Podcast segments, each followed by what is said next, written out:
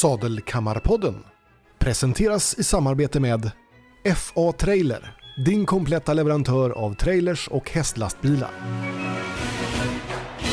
Och Horse Cab, uthyrning av hästlastbilar för B-körkort.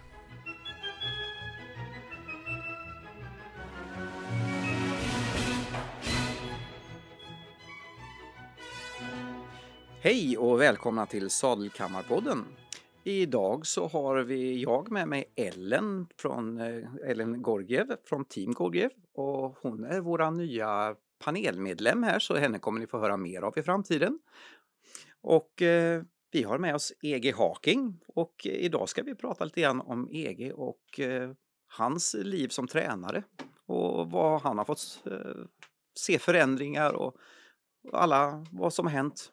Och, och här tänkte jag att Ellen ska få komma in lite grann som ändå har en bra relation med EG eftersom det är din tränare. Ja, ja precis, vi har EG med oss idag och eh, han har ju minst sagt varit med i sporten väldigt länge. Det är en 50 år som eh, drivande som både ryttare eh, och tränare och eh, ja, all form av eh, hantering med hästar och ryttare och och hela spektrat från både ridning men till mental hälsa och eh, relationer till elever och, och till hästarna. Ja, för det är lika mycket, lika mycket mental träning med hästen som det är med ryttaren egentligen. Du, du ser till helheten. Ja, med åren bakom sig en hel del så har man liksom märkt att det är mer pedagogik och mentalt strukturer. Att hitta det som jag brukar kalla för att att optimera inlärningsprocessen. Vissa misstag måste man göra själv men ibland så får man välja sina strider var man ska lägga fokus någonstans. Ja, för det är märkligt. Det är väldigt svårt att ta lärdom av andras misstag. Man, man måste gå på de här nitarna själv ibland. Det hör till. Ja. Men eh, vad, hur, hur började sig ditt liv som tränare? hur kom du in på det här? Var det att du familjen med hästar eller var det hur såg ditt liv ut från början med där du introducerades? Ja, nej, utan det var min pappa som ville att jag skulle börja rida. Ja. Eh, och tyckte att eh, det var nyttigt med hästar. För han hade ridit mycket i det militära. Och eh, jag tror att jag var sju eller åtta år någonting sånt. När jag introducerades och han gav mig en termins ridning på ridskola. Och jag tyckte det här var pest och pina. Det var inte kul och eh, man kunde inte säga i skolan heller att man tyckte att det var roligt för att eh, ja, det tyckte jag inte heller. Men eh, det var pinsamt för man blev lite retad också. Ja. Eh, men eh, efter sex månader, ett halvår på ridskolan så bestämde jag mig att jag skulle ta mod till mig och säga nej tack, nu, nu vill jag inte rida längre. Men det slutade med att eh, vi hade en trevlig liten fest på, i stallet. Och det där var lite kul med lite tjejer som... Det var det ja. Ja. Och då helt plötsligt så blev jag kvar. Ja. Och eh, så fick jag efter ytterligare sex månader fick jag tävla för första gången. Och då vann jag. För det brukar ju vara mm. någonting framförallt för män att eh, tävlingsinstinkten får vakna till och så här, då blir det roligt på ett helt annat sätt. Ja, och sen kom det ganska mycket killar på den här, just den här ridskolan. Okej. Okay. Så vi var ett helt gäng på, jag tror en, eh, tio killar som red. Ja. Och höll igång och hängde i stallet. Ja, nej, det är klart. Då blir det ju då blir det lite roligare också. Man kan dela intresset med flera. Ja. ja. Men eh, var det framförallt det var hoppning eller vad var det som, som fick dig att fastna? Ja, det var eh, hela synen på hästarna. Det, mm. det var ju med allting. Och det var en gammal rustmästare som hade den här ridskolan på, på Jakobsbergs ridskola i Stockholm, utanför ja. Stockholm. Och eh, man fick lära sig väldigt mycket för han var ju också ansvarig för hela Coachhäststiftelsen på den tiden. Eller Kronans hästar. Ja. Så att då åkte man in till K1, in på K1 och eh, fick vara i sjukstallarna för han hade hand om sjukstallet också. Så man lärde sig otroligt mycket med veterinärvård och hela den biten. Ja, för det är någonting man kan säga med militärens ridning så det har ändå varit att man har hästen i fokus på ett helt annat sätt. För om hästen var skadad eller hästen inte kunde prestera, ja då kommer inte du som människa fram heller. Utan det var ju när man skulle ha ett helhetstänk. Så det var Ja. inte att man slog sina hästar för att de skulle gå framåt. För en häst som får stryk den gick ju inte framåt Nej. i strid eller någonting. Eller du behöver ju li, lita på den här personen. Ja. Och det har ju alltid varit en, en kommunikation och det Ja. vet vi ju än idag. Att kommunikation är bästa vägen till ett bra resultat. Ja, det, är, det ska vara ett samarbete och ett förtroende för varandra. Ja, så här var det i alla fall eh, i Ryttmästarens våld då helt enkelt. ja, så blev det och där fick man lära sig den hårda vägen på militären. Då satt man i, i kronsadlar och red. Ja, de var inte så stora jag, de jag har sett De var bilder på. väldigt stora, de var väldigt hårda och eh, det kunde vara små såna här eh, nyttiga erfarenheter. Jag brukar berätta för mina elever ibland att eh, för att stå lika i båda stigbyglarna när man hoppade eh, så tog de bort sadeljorden ibland. Hoppsan hejsan. Och stod man lite snett i en stigbygel så åkte man i backen direkt. Och det klarar man väl. Men sen fick man den där kron, gamla kronsadeln över sig dessutom efter. Fy! Sådana metoder får man absolut inte ha och det är ju tur det på dagens hästar för det skulle de aldrig palla heller. Nej. Ja, för det är ju faktiskt så att eh, utvecklingen av hästen har ju skett väldigt mycket från när du började rida till idag. Man avlar ju på en helt annan typ av hästar. Ja, så är det verkligen och eh, de gamla hästarna det var ju mycket kronhästar från, från militären ja. och de var treiga. Där fick man ta i och rida ordentligt. Eh, Och till mot dagens hästar, man skulle nästan kunna tro att om 10, 15, 20 år så kanske man måste sitta på en robot innan man sitter upp på sin egen häst för att de är så pass ädla så man måste vara eh, man måste vara igång ordentligt. Man kan inte sitta upp hur som helst på en, på en ädel häst. Och det här kan man ju diskutera, är det någonting som är en bra utveckling? För jag kan ju för, förstå att sporten när den drivs framåt, då är det ju bra att vi kan få vassare, mer välpresterande hästar. Men för en normalryttaren så är det ju otroligt svårt att hantera en sådan häst. Och det är ju många fall nu som det har blivit att hästarna har varit för svåra och de har varit för känsliga och, och okunskap så har ju ledat till att det förbrukas många hästar per ryttare. Ja, Och att det inte blir den hållbara hästen som, som avlas fram utan på högst prestation och kan man inte förvalta det så det är som att övningsköra i en sportbil, den kommer ju kraschas. det är inte helt enkelt att sätta sig en Ferrari som 18-åring och aldrig kanske har kört en bil innan och bara dra iväg. Och det blir ju lite samma sak här som du säger. Ellen. Ehm, och det, det, är, det är en utveckling på gott och ont. Men som sagt var för ridsporten så förstår jag att man, man får mindre och mindre marginaler att leka med egentligen för att vinna det här då. Men ehm, för den allmänna sportryttaren som är i hemmamiljön så blir det otroligt svårt att hantera. För aven som sådan, jag vet ju bara som sagt på 80-talet att det var en, eh, eh, en nordsvensk som hamnade på fjärde plats i SM. Eh, Det skulle ju aldrig kunna hända idag. Så vi har ju verkligen gått framåt avelsmässigt. Mycket av det här är ju fantastiskt bra att utvecklingen kommit men Ja, du måste ju ha sett hela förloppet av aven under liksom din början av eh, din träningskarriär till de toppmoderna hästarna som nu florerar runt. Ja, det går inte att beskriva. Det är, det är makalös utveckling som har skett genom åren. Eh, Ja. på kort tid. ja, egentligen på kort tid. För det, det är ändå, vi, vi talar om, det är 50 år och det är klart att 50 år är en lång tidsaspekt så men i det stora hela så är det en väldigt kort Mm. tid i evolutionen. Så att det är en väldigt styrd avel som har kommit här. Men vad vad var eh, egentligen alltså din tävling och träning och allting, hur började intresset fullt ut för det här? För du fick ju kamratskapen med de andra men vad var det som blev den stora eh, eldslågan för dig? Ja, det var ju förebilderna. Det var ju de som red på elitnivå då. Mm.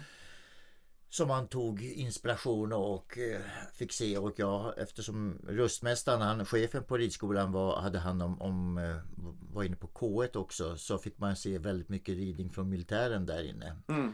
Och det, det tyckte man var jättespännande och man fick följa med till Ströms, Strömsholm och se hur de jobbade där och, och Ja, för där är ju egentligen mycket av den svenska ridningens vagga kommer ju också. Strömsholm har ju varit ett väldigt viktigt center för utvecklingen.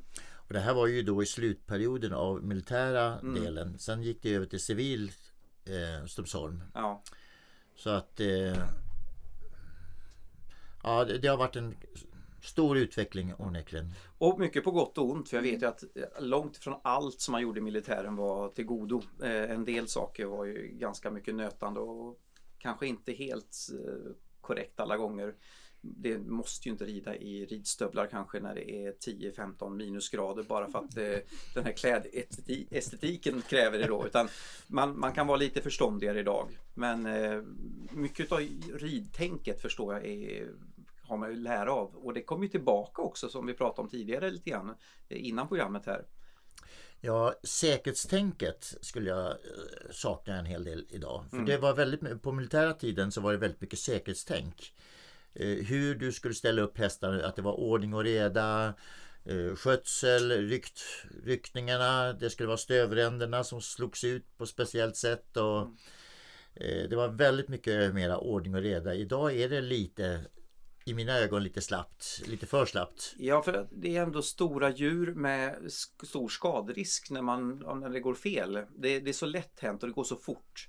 Jag tror säkert Ellen har varit med om ett antal olyckor själv som Ja. inte alls var, som bara hände. Det smäller till. Ja, det går alltid väldigt fort och så fort man inte håller koncentrationen eller fokus och det har ju kommit nu med liksom hörlurar och telefoner att eh, det är ju mycket så plötsliga händelser som Ja, Allting men- ska gå så fort. Ja, allting ska gå fort och tappar du koncentrationen så så hinner du inte flytta på dig eller hinner du inte reagera och det blir liksom en En av de stora aspekterna är ju eh, som vi pratade med Ellen bland annat tidigare i ett annat program om när inne i Spanien just över framridning att det är väldigt mycket folk på banan, det händer väldigt mycket.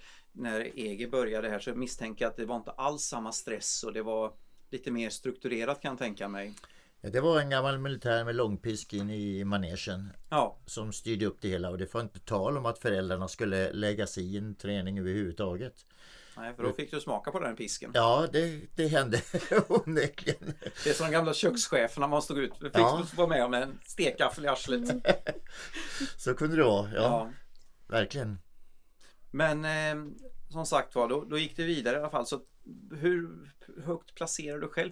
Ska du berätta lite grann om vad, vad har du själv kommit fram till och presterat i ditt liv som du tycker är de viktiga delarna innan du blir tränare och så då? Ja, eh, jag tävlar ju en del förut och en, lite grann internationellt, väldigt lite ändå. Men eh, mot man jämför med många dagens ungdomar gjorde, eh, eller gör nu. Men eh, åkte lite grann utomlands eh, i nordiska länderna. Eh, men sen fick jag en tysk tränare som jag tog till Sverige till, Mm. till, eh, till ridskolan som jag sen skaffade. Och det var samma ridskola som jag eh, inhandlade som som jag också växte upp på eh, ute i Järfälla, eh, Jakobsberg. Och eh, den tyska tränaren han var väldigt disciplinerad. Det var, kändes som det var förr i tiden. Det skulle vara ordning och reda, att alla skulle komma i tid. Kom man inte i tid då låste han ridhuset. Då fick man stå utanför. Nu, var, nu ska jag ju inte säga, egentligen borde jag inte säga det här eftersom jag alltid är eh, två minuter sen. Men egentligen så gillar jag den här tanken att det, det är respektlöst att inte komma i tid mot andra människor som man faktiskt håller på och ska göra det tillsammans med. Så jag, jag kan dela den aspekten lite grann. Men eh, visst, det är inte så kul när du står och bankar utanför i kylan och vill in. nej, det, de, de ryttarna var inte glada som inte kom in i tid. Så att säga. Men där får man då starta de för sent hemifrån. Ja det är ju det och då kommer de i tid nästa gång. Sen kan allting hända. Visst, Ja. du kan, alltså man ska väl inte behöva förutse att man ska få punktering eller någonting. Men ändå respekt när man ska vara i tid. Ja, jag fick en ordentlig uppsträckning av min eh, mentor lite grann.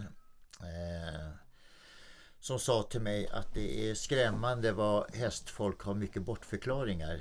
Varför man kommer för sent. Och eh, hur respektlöst det var. Och eh, det tog så pass bra på mig så att efter den gången då bestämde jag mig att nej, jag ska lära mig att komma i tid. Så att nu blir jag också nog ganska irriterad när ryttarna kommer för sent till en träning. Så att de tror jag inte är så ofta de kommer för sent. Men det är väl ganska bra egentligen för jag menar hästen, alla, ni ska vara i form på plats när träningen börjar, inte komma in med andan i halsen. För det, det blir ju ingen bra träning. Absolut inte utan det, de ska vara uppätna höll jag på att säga men de ska Ja, och du de, brukar ju förespråka att det ska vara, Du ska- du ska ha ätit och druckit innan och, och eh, om du inte är i shape för att träna så får du eh, sitta och titta en stund. Mm. Eh, om du är för stressad eller för liksom att det inte kommer bli en bra fokus i början av lektionen då får man, får man vänta liksom. Ja det är ju en av mina noggranna planeringar att man ska tänka igenom hur man mår idag. Inte bara börja behandla hästen utan man ska själv ta reda på hur jag mår idag. Har jag ätit? Har jag sovit? Är jag laddad för att kunna ta emot massa saker? Eller är det en, en dag som jag har varit för stressad? Man har varit osams med pojkvän eller föräldrar eller på något annat sätt det inte har varit bra. Då får man lägga förväntningarna och kraven på sig själv lite lägre det här passet.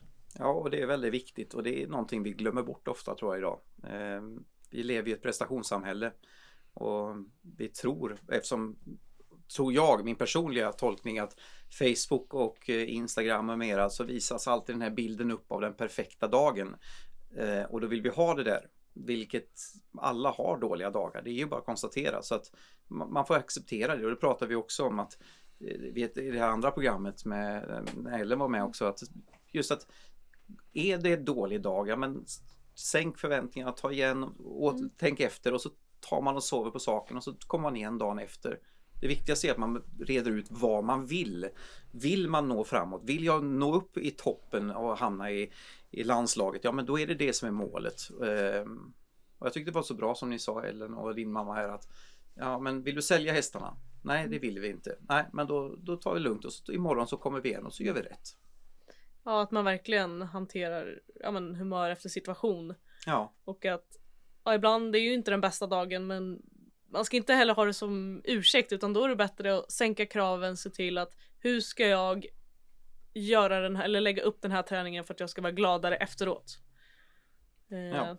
Om jag är så här glad nu, eller ledsen, hur ska jag rida min häst och mitt pass så att jag automatiskt är gladare efteråt? Är jag, jag ledsen? misstänker att det här egentligen är Eget, EGs självklart. ord. För att ni har ju ändå hållit på och eh, eh, haft en väldigt eh, lång relation. Ni har ju haft eh, träningar i tio år tillsammans. Ja, så det är Ja det är lång tid av drillande och eh, misstag och, och glädje. Framförallt glädje, det har varit jätteroligt. Men att just reflektera lite av att blir du ledsnare av träningspasset, ja men då är det ju inte helt hundra. Det, det ska Nej. alltid vara lite jobbigt eller, eller lite motigt, det kan det alltid vara men just att man känner sig mer nedstämd efter passet, då är det ju något som kanske har gått lite Mm. snett. Men vad, vad vill du säga är dina grundläggande tankar just om träning? Om du ska lyfta fram kanske ett par tre stycken såna här riktigt kärnvärden i, i ditt sätt att träna. Kan du, vad, vad, vad är EGs träning? Ja, grund, min grund, en av mina grundpelare är att man ska träna för att ha råd att göra misstag. Det är väl förståndigt? Eh, och vad jag menar med det lite grann det är att eh, skaffa sig ett grundsystem i allt vad man gör. Så att man lätt kan komma tillbaka. För misstag gör man.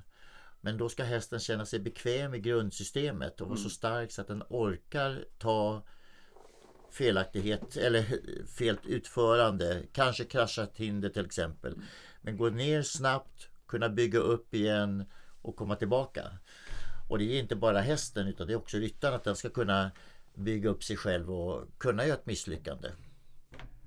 Ja, och det, det kan jag skriva under att det där är ju, låter ju som Har man den grundtanken så kommer man långt. För det, vi gör ju misstag, det är ju så, vi är ju människor. Har du någon mer sån här kärnvärde du känner att Ja, För du har ju hållit på i några år som Ja. sagt var. det- är ju faktiskt ta eh, en sak i taget och framförallt ta och uppskatta det som man gör. Lägga en bra plan. Och inte lägga den för långt fram. Vissa saker kan du lägga långt fram. Du kan ha förebilder, du kan tänka långsiktigt men, men lägga upp delmålen. Det är framförallt dem och när du får in delmålen kunna då stanna upp eh, se, nådde jag upp det här? Nej, det kanske jag inte gjorde. Då får jag backa lite till. Så nästa plan jag lägger, den blir mer detaljerad. För vad jag har förstått, du går även in ganska djupt i plan, planeringen av din träning. Eh, så att eh, jag vet att när ni analyserar filmer och sånt där tillsammans och så, så har ni någon övergripande eh, ettårsplan och sen så det här är målet för, på lång sikt det här året och sen att man jobbar mot det i delmål under tiden eller är det mer att man tar träningspass för träningspass eller hur lägger ni upp träningarna? Det har ju varit nästan alla EGs elever. Du brukar hålla olika former av kurser Mm. eh, och alla som tränar kontinuerligt får ju en blankett och en redovisning för i början av året Mm. att eh, delmål, mål, slutmål, vart vill jag komma?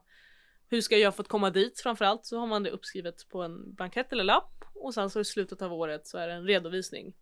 Hur har det gått? Har jag inte nått målet? Varför? Vad beror det på? Eh, har jag nått målet? Varför? Vad beror det på? Och det är ju med alla elever. Och det är ju, är ju en extra liten, ett extra engagemang som gör att ja, men man får allting lite tydligare på, på papper och, och framförallt ett varför. Varför gör jag det här? Varför händer det? Och, och För här tror jag just det är viktigt att man får det visualiserat framför sig i sin träning. Att man ska, vad är mitt mål? Man får tänka efter själv. Inte bara komma till en träning. Det är lite grann som att gå till snabbmatskedjan. Du vet vad du ska få. Du, du beställer din hamburgare och du ska ha det här tillbehöret till. Och här får du istället tänka till. För vad är det du vill ha ut av hela allt under lång tid? Ehm, och då kan man också reflektera att det kanske inte är det du kom dit för initialt som är faktiskt målet man tänker efter. Ehm, för många gånger så, jag misstänker i alla fall att elever har vaknat upp på ett sätt hos dig och sett att just det kommunikationsmässiga med häst och ryttare och samspelet har man insett hur viktigt det är. För många vill ju inte lägga den energin idag. Eh, eller ja, kanske förr också för den delen. Eh, som det är att känslomässigt bygga upp det här. Eh, men jag vet inte, det är min personliga tanke i alla fall bara.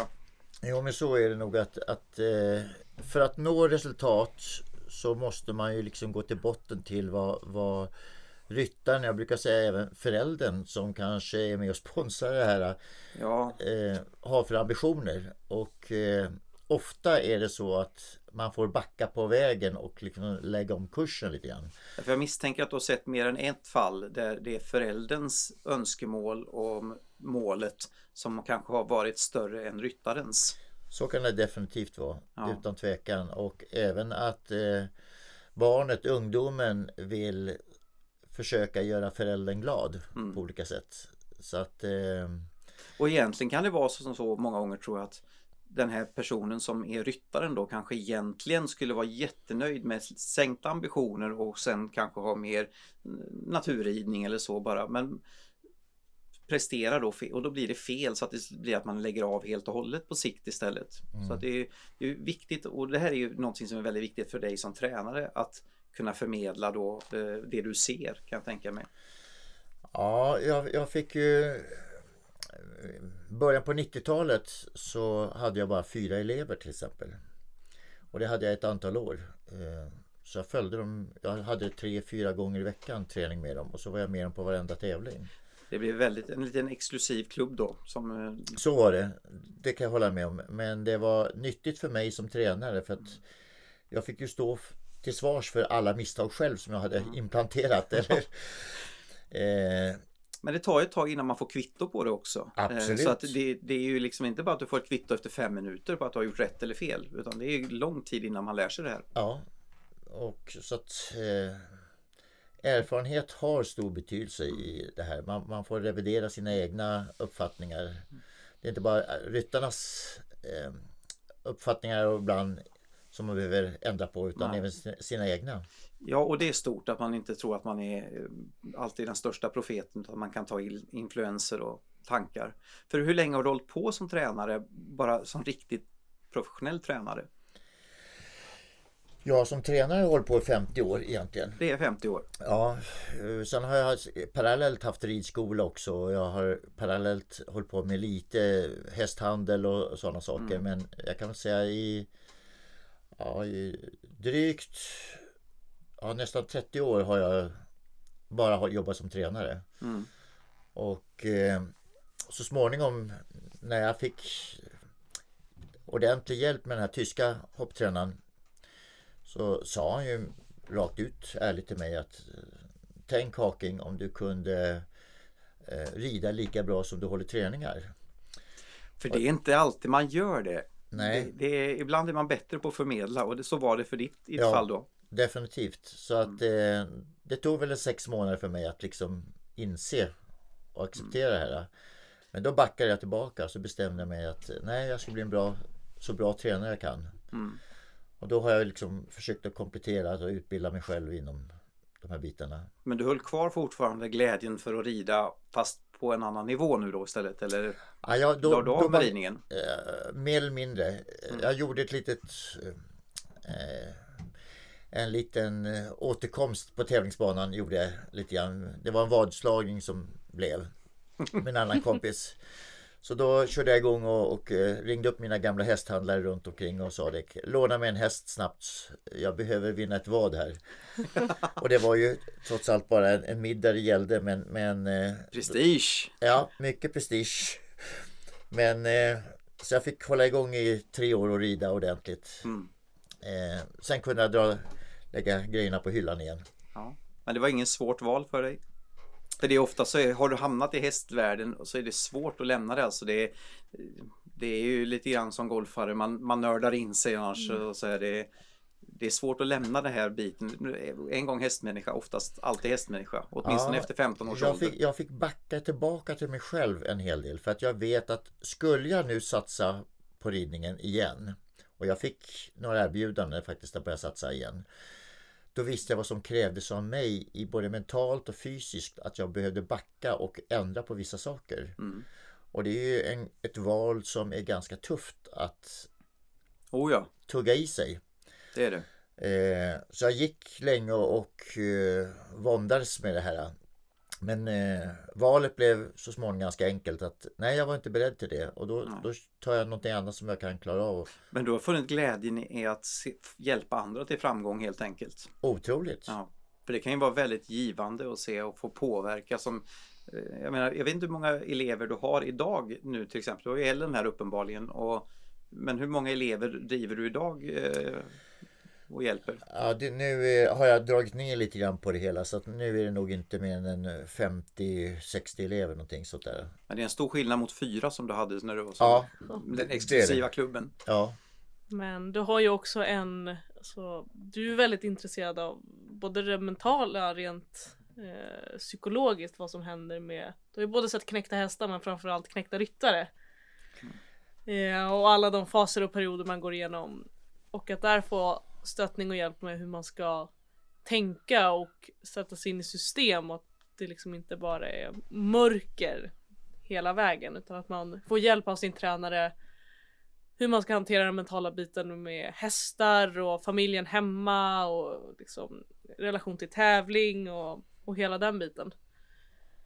Har du något speciellt just hur du bygger den mentala delen? Är det, hur, hur, ser, alltså hur ser en planen ut för att bygga en stark mental eh, framtro på sig själv? Ja, för det första så är det, det viktigaste av alltsammans det är att det ska vara roligt. Eh, och alla ska känna i teamet så att säga. För det är ju frågan om team. Det är frågan om föräldrar ofta eller pojkvänner eller eh, att var och en känner att det är roligt i det här. Eh, det är absolut det viktigaste. Och sen, sen är det ju frågan om att vad är målsättningen? Lite grann så att alla är införstådda med det. Så att man har råd att misslyckas, man har råd att backa lite grann och, och så vidare. Eh, så där försöker jag titta på lite grann. Sen får jag, vet att jag får väldigt många elever som har kanske tappat självförtroende en del. Mm. Som är lite otrygga i, de är rädda att komma fel på hinder och sådana saker eller de är skrämda. Och där försöker jag bygga upp just självkänslan och ta reda på, det kan man också komplettera till till tekniskt vad är det jag gör som gör att jag kommer fel på hindren. Mm. Och försöka göra det tydligt för ryttaren vad är orsak och verkan.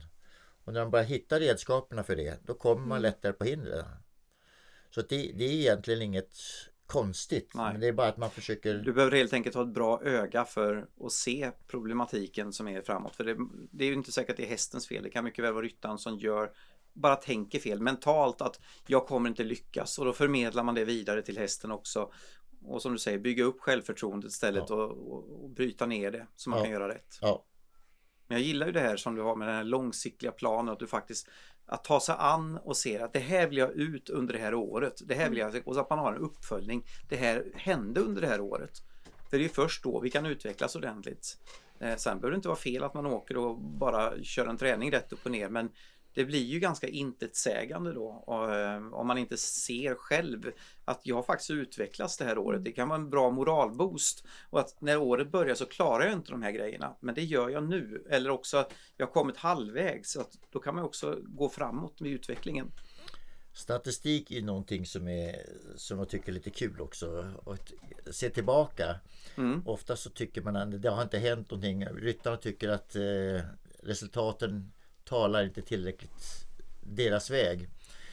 Eh, och då försöker jag åskådliggöra genom att backa och se resultatet här. Vad hände för ett år sedan? Och så ser vi att ja, så här mycket har blivit bättre. Ja, men var glad över det som har blivit mycket bättre. Ja, Eh, Men självklart så är också titta framåt. Målet kanske ska vara just att kunna rida nollrunder. Inte alltid bara vinna utan nej. Rida nollrunder och försöka se till att få bra resultat på eh, så att procenten blir bättre på nollrundorna. Precis.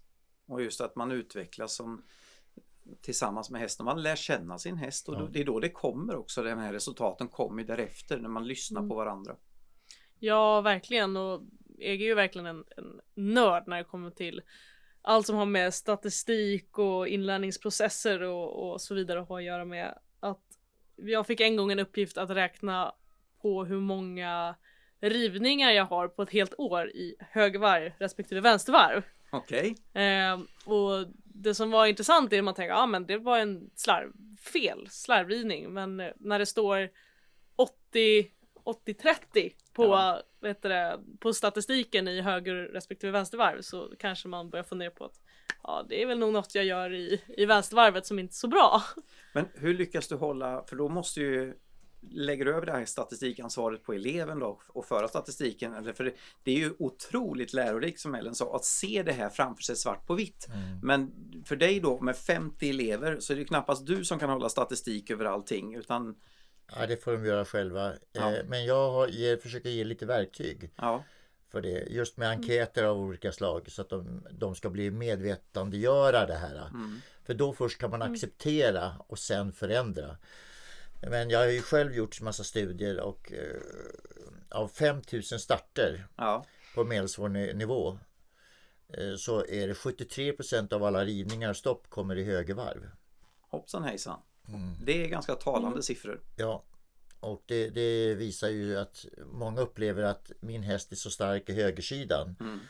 Men lika väl som den är kanske 70% stark i högersidan då är den ju eh, bara 30 eh, styrka i vänstersidan. Ja. Alltså måste man försöka få en parallell så att det blir lika stark på båda sidorna. Och ofta så vet vi att en häst där ryttaren inte förstör så mycket Ja, så hästen har mindre skevhet än vad en ryttare har. Ryttare har väldigt mycket skevhet. Hästen har bara lite grann skevhet. Och har vi otur så är den skevheten lika eller Förstärker den. förstärker den hästens. ja. Så att det blir ännu värre. Ja, nej, för det är, det, det är ju lätt hänt att man fastnar i sitt eget tänk. Ehm, Men just att se det här framför sig, det måste vara otroligt eh, lärorikt som sagt var. Men eh, i, din träning framåt som sagt var så har vi eh, vad är målet nu och fortsättningen här för dig? För jag menar, du har väl inga planer på att sluta att träna eh, som det ser ut nu hoppas jag. Nej, du kommer nog stå där med rullator och, och jaga oss. Ja, jag, jag har, nu är det barnbarn som kommer. Alltså inte mina egna barnbarn utan det är barnbarn till, till mina första ryttare som kommer Ja, och ber att jag ska hålla i lite längre så att ja nej, men det är vi, vi får väl se. Men jag har flera kollegor, tränarkollegor som har till och med frågat när jag ska sluta. Men varför sluta? För jag menar, det är ju faktiskt så. Alla som har en passion i livet, när de upphör med passionen så är det ofta att det går käpprätt åt skogen. Alltså det finns ju inte alltså, så många som dör på grund av att de tappar sin passion. Det, jag tycker fortfarande det är fascinerande med drottningmoden i England som eh, håller på med hästar liksom. Och nu, ja, hon känns ju äldre än dinosaurierna ibland alltså. Men jag tycker det är så läckert att se ändå. Tycker man om någonting, låt passionen ta över och så lev för den. Ja, och man kan ju alltid skala ner liksom så att om det blir en an för stor ansträngning så skalar man ner så att ansträngningen, förs ansträngningen försvinner. Och det bara är det roliga kvar. Precis. Um, det är väl det du har lyckats göra nu. Ja. Ja. Att du, liksom, det är mer kvalitet än kvantitet. Ja definitivt. Jag har backat ner avsevärt. För Mm. förut var det hysteriskt mycket.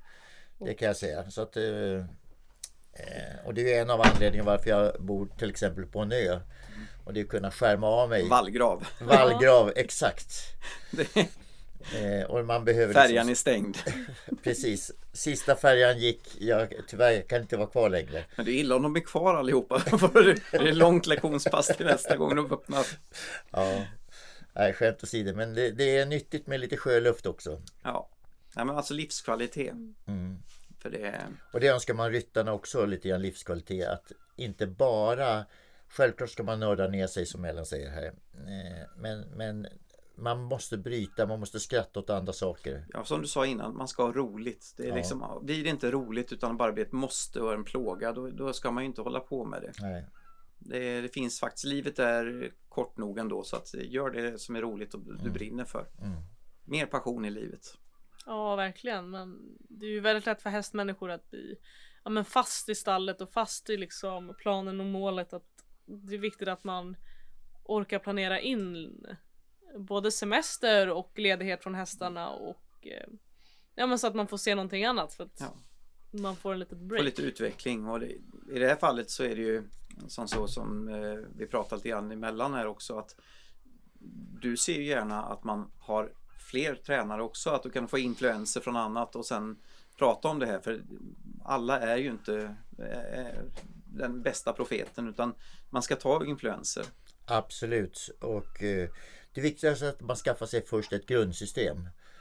Eh, och kommer upp till en viss nivå. Och därifrån sen så kan man hämta eh, strukturer och lyssna på andra eh, tränare. Men jag tycker definitivt att det är jättenyttigt att kanske få höra samma sak med andra ord Ja. från en annan tränare. För det, det är ju som så ofta att man, man kanske har olika sätt att förmedla det kunskapen fast egentligen så menar man samma sak. Eh, jag vet det har hänt flera gånger att jag, jag har inte förstått vad en människa har sagt och sedan så får man höra från en annan. Och, eh, Min älskade fru som inte är med i det här programmet eh, hon eh, blir lite irriterad på att jag är den värsta eleven hon har haft. Eh, för hon är också ridlärare i grund och botten.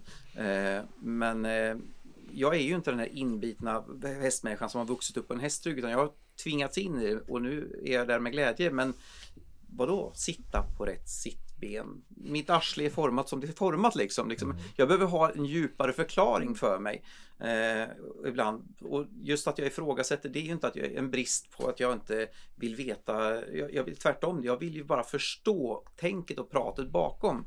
Och här kan jag tänka mig att som tränare då att förmedla, för dina, du stöter ju på elever som har väldigt olika kunskapsnivå. Ehm, och kunna förmedla det här, för du har hållit på som sju års ålder som du säger. Men det kanske kommer en vuxen person, jag vet inte om du tränar vuxna annars, men det, det kan ju vara väldigt roligt. Jag vet att hustrun brukar tycka att det var de roligaste grupperna för de, de har släppt pre- prestigen många gånger och så har de skitkul tillsammans. Det roligaste jag tycker det är ju faktiskt när, när eh, hästtjejerna skaffar pojkvänner så småningom. Som inte vet någonting överhuvudtaget. Och kommer med de relevanta frågeställningarna. Mm. Varför det är som det är och eh, varför heter fyra fel. Förstår inte alls någonting när de river till exempel. För det är en terminologi som inte är lätt för en utomstående många gånger att Nej. förstå sig på.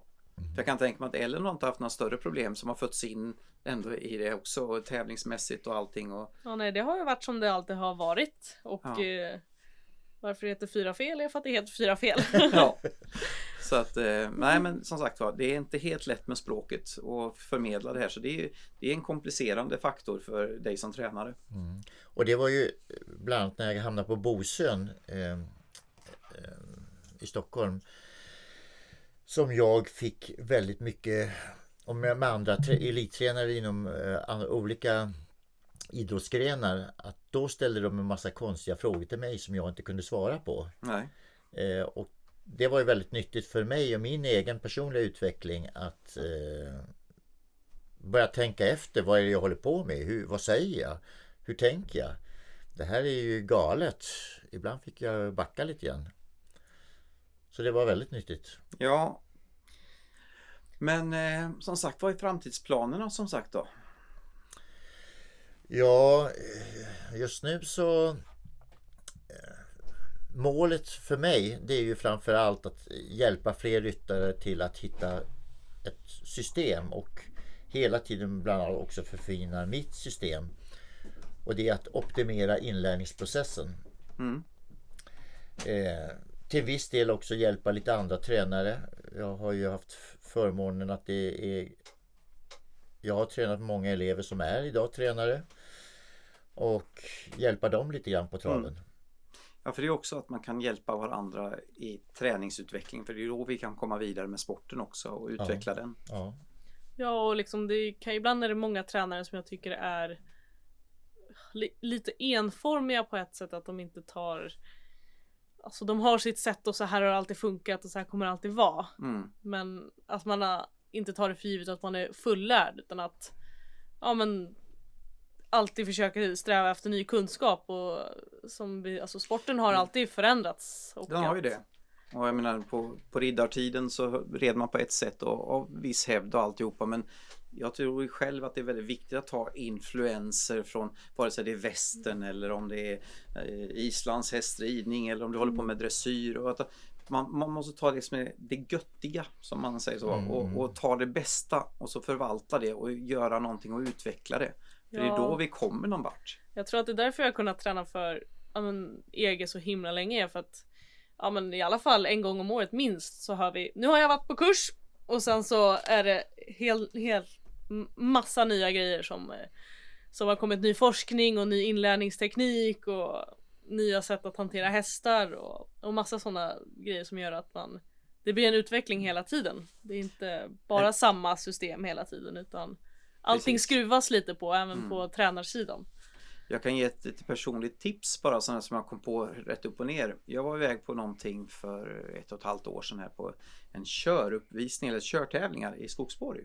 Och jag har inte sett någonting om körning innan och det här var en aha-upplevelse för mig att komma. Jag har bara varit med ridhästar och, och den delen att men se hur extremt Alltså samspelet och alltihopa med körningen. Det var en jättehäftig upplevelse. Jag, jag gick därifrån och var, alltså, kände riktigt lycka inombords och se hur de här hästarna och kuskarna och alltihopa hur samspelet var. Gör någonting utanför er vardag kan jag säga. att Även om ni är helt insnöade på just hoppning eller dressyr, mm. åk iväg, titta på en västentävling eller var med på någonting annat utöver det vanliga för ni får alltid influenser och ni kan få lite idéer eller också kan det bli att man förstärker sin tro i det du håller på med. Um, bara ja, en sån här grej för det, mm. det, det, finns så mycket där ute och det är lätt att vi fastnar i vårt egna. Mm. Jag kan bara ta som exempel eh, mina egna tävlingshästar som jag hade då. Allihopa blev inkörda. Ja. Så att eh, de var inkörda och kunde köras ordentligt. Precis. Mm. Jag menar, här har du det är jättebra exempel. För mm. Varför ska man bara kunna det ena? För mm. Vilken mångsidig träning du kan lägga till istället. Ja. Så jag kunde bygga mycket styrka på hästarna mm. genom körningen.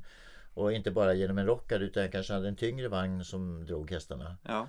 Och det var väldigt... Då kunde jag verkligen känna liksidigheten i hästen. Det är ju också ett sätt att medvetandegöra och se olikheten hos oliksidigheten hos hästen också. Om jag rättar mig om jag har fel, men fick du inte också en tryggare häst med det här? Att de kunde dra en vagn och alltså miljöträningen, att det hände lite annat, att det inte bara är samma, eller har jag fel? Absolut. Eh, visst gick jag på miner att vissa hästar var väldigt svårinkörda. Jo. Och då fick man ju lära sig in, lära, lära av de misstagen och så vidare. Ja. Men eh, allting går. Ja, och, och just att man får den här en stabilare och tryggare häst. Det är ju ingen nackdel. Det är ju bara tvärtom en fördel. Vi kan se till exempel nu med, med som blivit väldigt eh, uppmärksammat. Det är Peders, eh, Peder Fredrikssons Mm. hantering av hästar. Hur han eh, longerar sina hästar, känner in, kollar sina hästar på ett helt annat sätt än vad många tävlingsryttare gjorde förut. Ja, för det här är en, en viktig del jag själv brinner för. Jag, jag longerar ju ofta utan lina eller någonting utan på, löst på hela ridbanan och sen så går de ändå runt mig och jag kommunicerar röstmässigt men sen jag använder mitt långspö som en förlängning av min arm men kan ändå få dem, de byter varv och allting och kommunicerar. Det är ingenting som sker kanske första dagen men att få hästen att vilja göra, utföra den här dansen med dig det är fantastiskt lärorikt och ganska så eh, stärkande egotripp också för den delen att få känna det här samspelet. För du får ett så totalt kvitto på det. Eh, för hästen gör ju inte det här om den inte vill ha samspelet. Då ställer den sig i ett hörn och så surar den istället om du släpper den helt fri eller också springer runt det som en tok och tycker det är skitkul. Vilket kan vara fallet med min kortrest som jag hade tidigare. Han gjorde det först och så visste jag att eh, nu får vi leka i 15 minuter. Sen var det arbete. Så Ja. då sker det helt på hästens villkor. Absolut och eh, ibland så är det ju, Jag vet ju själv att jag inte hade tillgång till ridhus ibland och eh, hur nyttigt det var att rida i mörker. Bara det. Ja, Bara få hästen att eh, också känna av vad, vad ryttaren kan och vill och sådana saker. För det är många gånger så spöken, plastpåsar är ju, vet vi ju alla som håller på med hästar att plastpåsar kan vara det dödligaste som finns för en häst. Men att mörker och se skuggor och så här det kan vara otroligt eh, tacksamt att utsätta dem för. Mm. Jag vet hustrun berättar i unga år, hon red ju alltid runt med pannlampa och så här och det, det blir väldigt mycket skuggor och så här. Men Mm. träna hästen i olika miljöer så kommer du också minska risken för skador när det Absolut. Och att man vet hur man hanterar sin häst i olika miljöer. Att, ja, men du vet hur du ska göra när din häst är stressad eller när den är för bekväm eller när den är oarbetsvillig eller när den är superexplosiv. Att du har liksom dina, dina nycklar för de olika stadierna som hästen har. Ja, Ehm, och det är ju väldigt viktigt att man tar vara på det på träning när, när tränaren frågar ja men hur känns din häst idag? Då är det så ja men den känns trött. Då ska du veta hur du ska göra för att den ska, ska kunna utvinna den energin som den har att ge. mm. Eller om den, den är för pigg. Då är så här, ja men den är för pigg. Men kan den verkligen vara för pigg? Du måste bara om, generera, Precis. veta hur du gener- genererar energin till, till där du vill ha fokuset. Hur ser du helhetstänket för övrigt? Är du engagerad i hur man fodrar hästen också och fodrar ryttaren eller blir det, var, var går gränsen liksom för hur du lägger upp träningen? Ja, där har jag börjat backa mer och mer. Mm. För att eh, utvecklingen går ju framåt hela tiden på fodersidan Mm. och sådana saker. Så att vissa grundläggande saker lever jag fortfarande kvar i. Det. Ett bra grovfoder är ju A och O egentligen. Ja, det här kan jag säga att vi har en annan gäst som kommer med också i ett program som är Sveriges största grovfoderproducent och jag vet av erfarenhet eftersom jag känner den här mannen väl att han talar ett bra grovfoder, allt du behöver. Du behöver inte ha några tillskott överhuvudtaget för övrigt. Sen så låter vi alla göra sig hörda men i grund och botten så är det just det här att hästen är gjord för att äta gräs. Ja. Att vi har spannmålsprodukter idag det härstammar ju från att ja, vi var ett krigiskt eh, släkte människorna och har varit under lång tid. När man var ute i, spann, eh, vad heter det, ute i fält och krigade då tog man och gav hästarna vad som fanns och då blev det också att de fick ta, de, man plundrade spannmål från bönderna när man var ute och red och härjade i Europa. Så fick de det här och det var inte någonting som de var avlade för att tåla egentligen utan det var ju de hästarna som överlevde det här helt enkelt som vi har avlat vidare på. Mm. Så att många gånger så är det att hästen har ju inte egentligen en tarmflora, och, alltså en, avsedda för att äta spannmål i grund och botten. Men sen kan det ju hjälpa till prestationsmässigt och höja och få ett extra raketbränsle och så här. Men det är väldigt viktigt att se över ditt grovfoder om du vill komma och prestera. Sådana saker, eh, just foderbiten, där, har det blivit väldigt stor utveckling egentligen. Ja. Eh, Så det, det har jag släppt. Ja, och Det finns de som är kunniga på det så det är, det är mycket Ja, bättre. och det, det är svårt också för att alla är så enormt innördade som håller på med fodret. De är ju så innördade på sin produkt. Men, eh, men grunden är som du säger ett bra grovfoder Ja. och sen så får man helt enkelt se till vad du anser vara bäst Ja. för just din häst. Utan tvekan. Men eh, i övrigt som sagt om vi, då har vi bortsett från den delen är klar. Eh, ryttaren då, hur mycket lägger du i vad som händer där för övrigt? Ja, där, kan jag lägga, där kan jag lägga mig i en hel del. Både fysiskt och mentalt och eh, även matmässigt. För att eh, man vet ju av erfarenhet att många ryttare kommer ut från banan och flåsar Mm. när de kommer ut. Och då tänker de inte sig för att de har missat två saker innan. Om flåset börjar komma så att det låter när ryttaren kommer ut. Då har man missat både finkänsligheten i handen Mm. som är det viktigaste för hästen. Och nummer två det är omdömet i huvudet. Att du har tagit lite kanske fel beslut ibland. Och det blir av syrebristen av dålig kondition. Ja. Mm. Det är det första som försvinner. Ja. Och det kan vara mat och för dålig grundkondition hos, hos ryttaren. Eh, Ja, det det kan också vara att anspänningen är, är för hög så att säga. Mm. Och där måste ju ryttaren lära sig att hitta vilken, om, om den här individen som ryttare ska ha låg Mm. anspänning eller hög anspänning. Det är sånt som jag tycker man ska lära sig. Precis. Behöver jag köra ett meditationspass innan jag gör det här eller behöver jag istället tagga upp? Just det. Eh, är, för vi är olika. Ja. En del blir ju extremt taggade. Men eh, Många behöver instruktioner innan för att liksom avledas.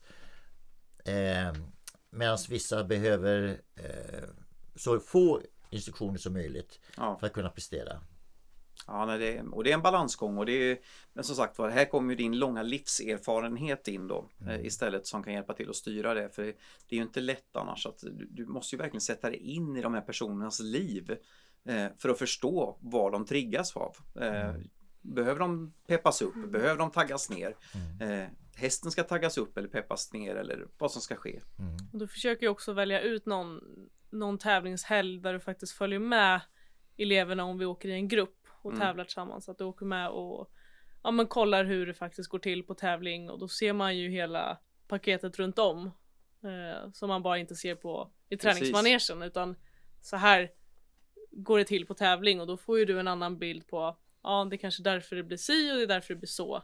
Och det här måste ju vara, det är en grundförutsättning för att man ska kunna ha den här planen som du ändå lägger upp med din elev på en årsplan. För om inte du är med och ser det här så kan du inte heller lägga en årsplan på det utan många gånger så eleverna har säkert en uppfattning om att det här är jag, så här gör jag men du kan komma in och komplettera att eh, när du kanske faktiskt gör så här också. Eh, så höger vänstervarvet vi pratar om till exempel. Ja, det finns ju olika saker det, och det är ju frågan om hur man hanterar till exempel om det har gått dåligt när man åker hem från en tävlingsplats. Eh, det har ju hänt att det har varit väldigt jobbiga mil när man åker hem. Lång Ja. resa hem från en tävlingsplats. Jag har ju sett folk sparka iväg en hink och skrika hästjävel och så Mm. drar man iväg med Ja, hästen och det är ja. hästens fel och man är, skyller på allt och alla. Och, Och samtidigt ska, måste man ju förstå föräldern som har finansierat det här. ja, Att de vill ha lite valuta för pengarna. valuta för pengarna till viss del. Men också att man måste, föräldern måste också respektera ryttaren. Mm. Att den inte kan. Så det här är ömsesidigt att Ja. försöka hjälpa både föräldern och ryttaren att kunna... Det, är, det, är det fråga om en friidrottare så är det ju faktiskt då är det den dagsformen som avgör här. Men när det har med häst att göra så är det att dagsformen för ryttaren och hästen. Ni ska ha en toppdag ihop eh, för att prestera som bäst. Det, sen kan ni prestera helt okej när en av er är på topp. Men eh, för att nå den riktigt bra resultaten så behöver man ju faktiskt ha alltihopa klaffat. Och då, kost, träning, alltihopa. Och är det en bra planering då har man förberett det så man skapat så bra förutsättningar som möjligt inför Mm. prestationen. Jag måste säga att jag tycker det här har varit eh, jätteintressant och jag hoppas att ni som lyssnar ute tycker att det här har varit lika intressant. Ehm, och ehm, att det ger någonting att ta er till era tränare.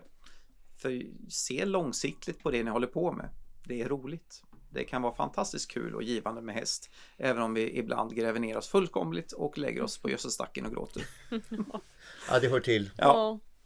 Men eh, jag vill tacka så jättemycket för att du kom hit EG. Tack och för att jag eh, fick. tack så mycket Ellen för att du var med som eh, poddpanel idag. Ja, och, det har varit jätteroligt. ja, så att vi kommer att höras mer i Ja. framtiden med dig Ellen.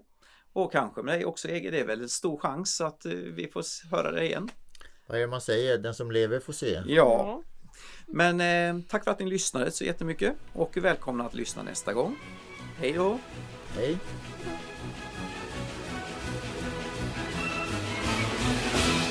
Sadelkammarpodden presenterades i samarbete med FA Trailer, din kompletta leverantör av trailers och hästlastbilar. Och Horse Cab, uthyrning av hästlastbilar för B-körkort.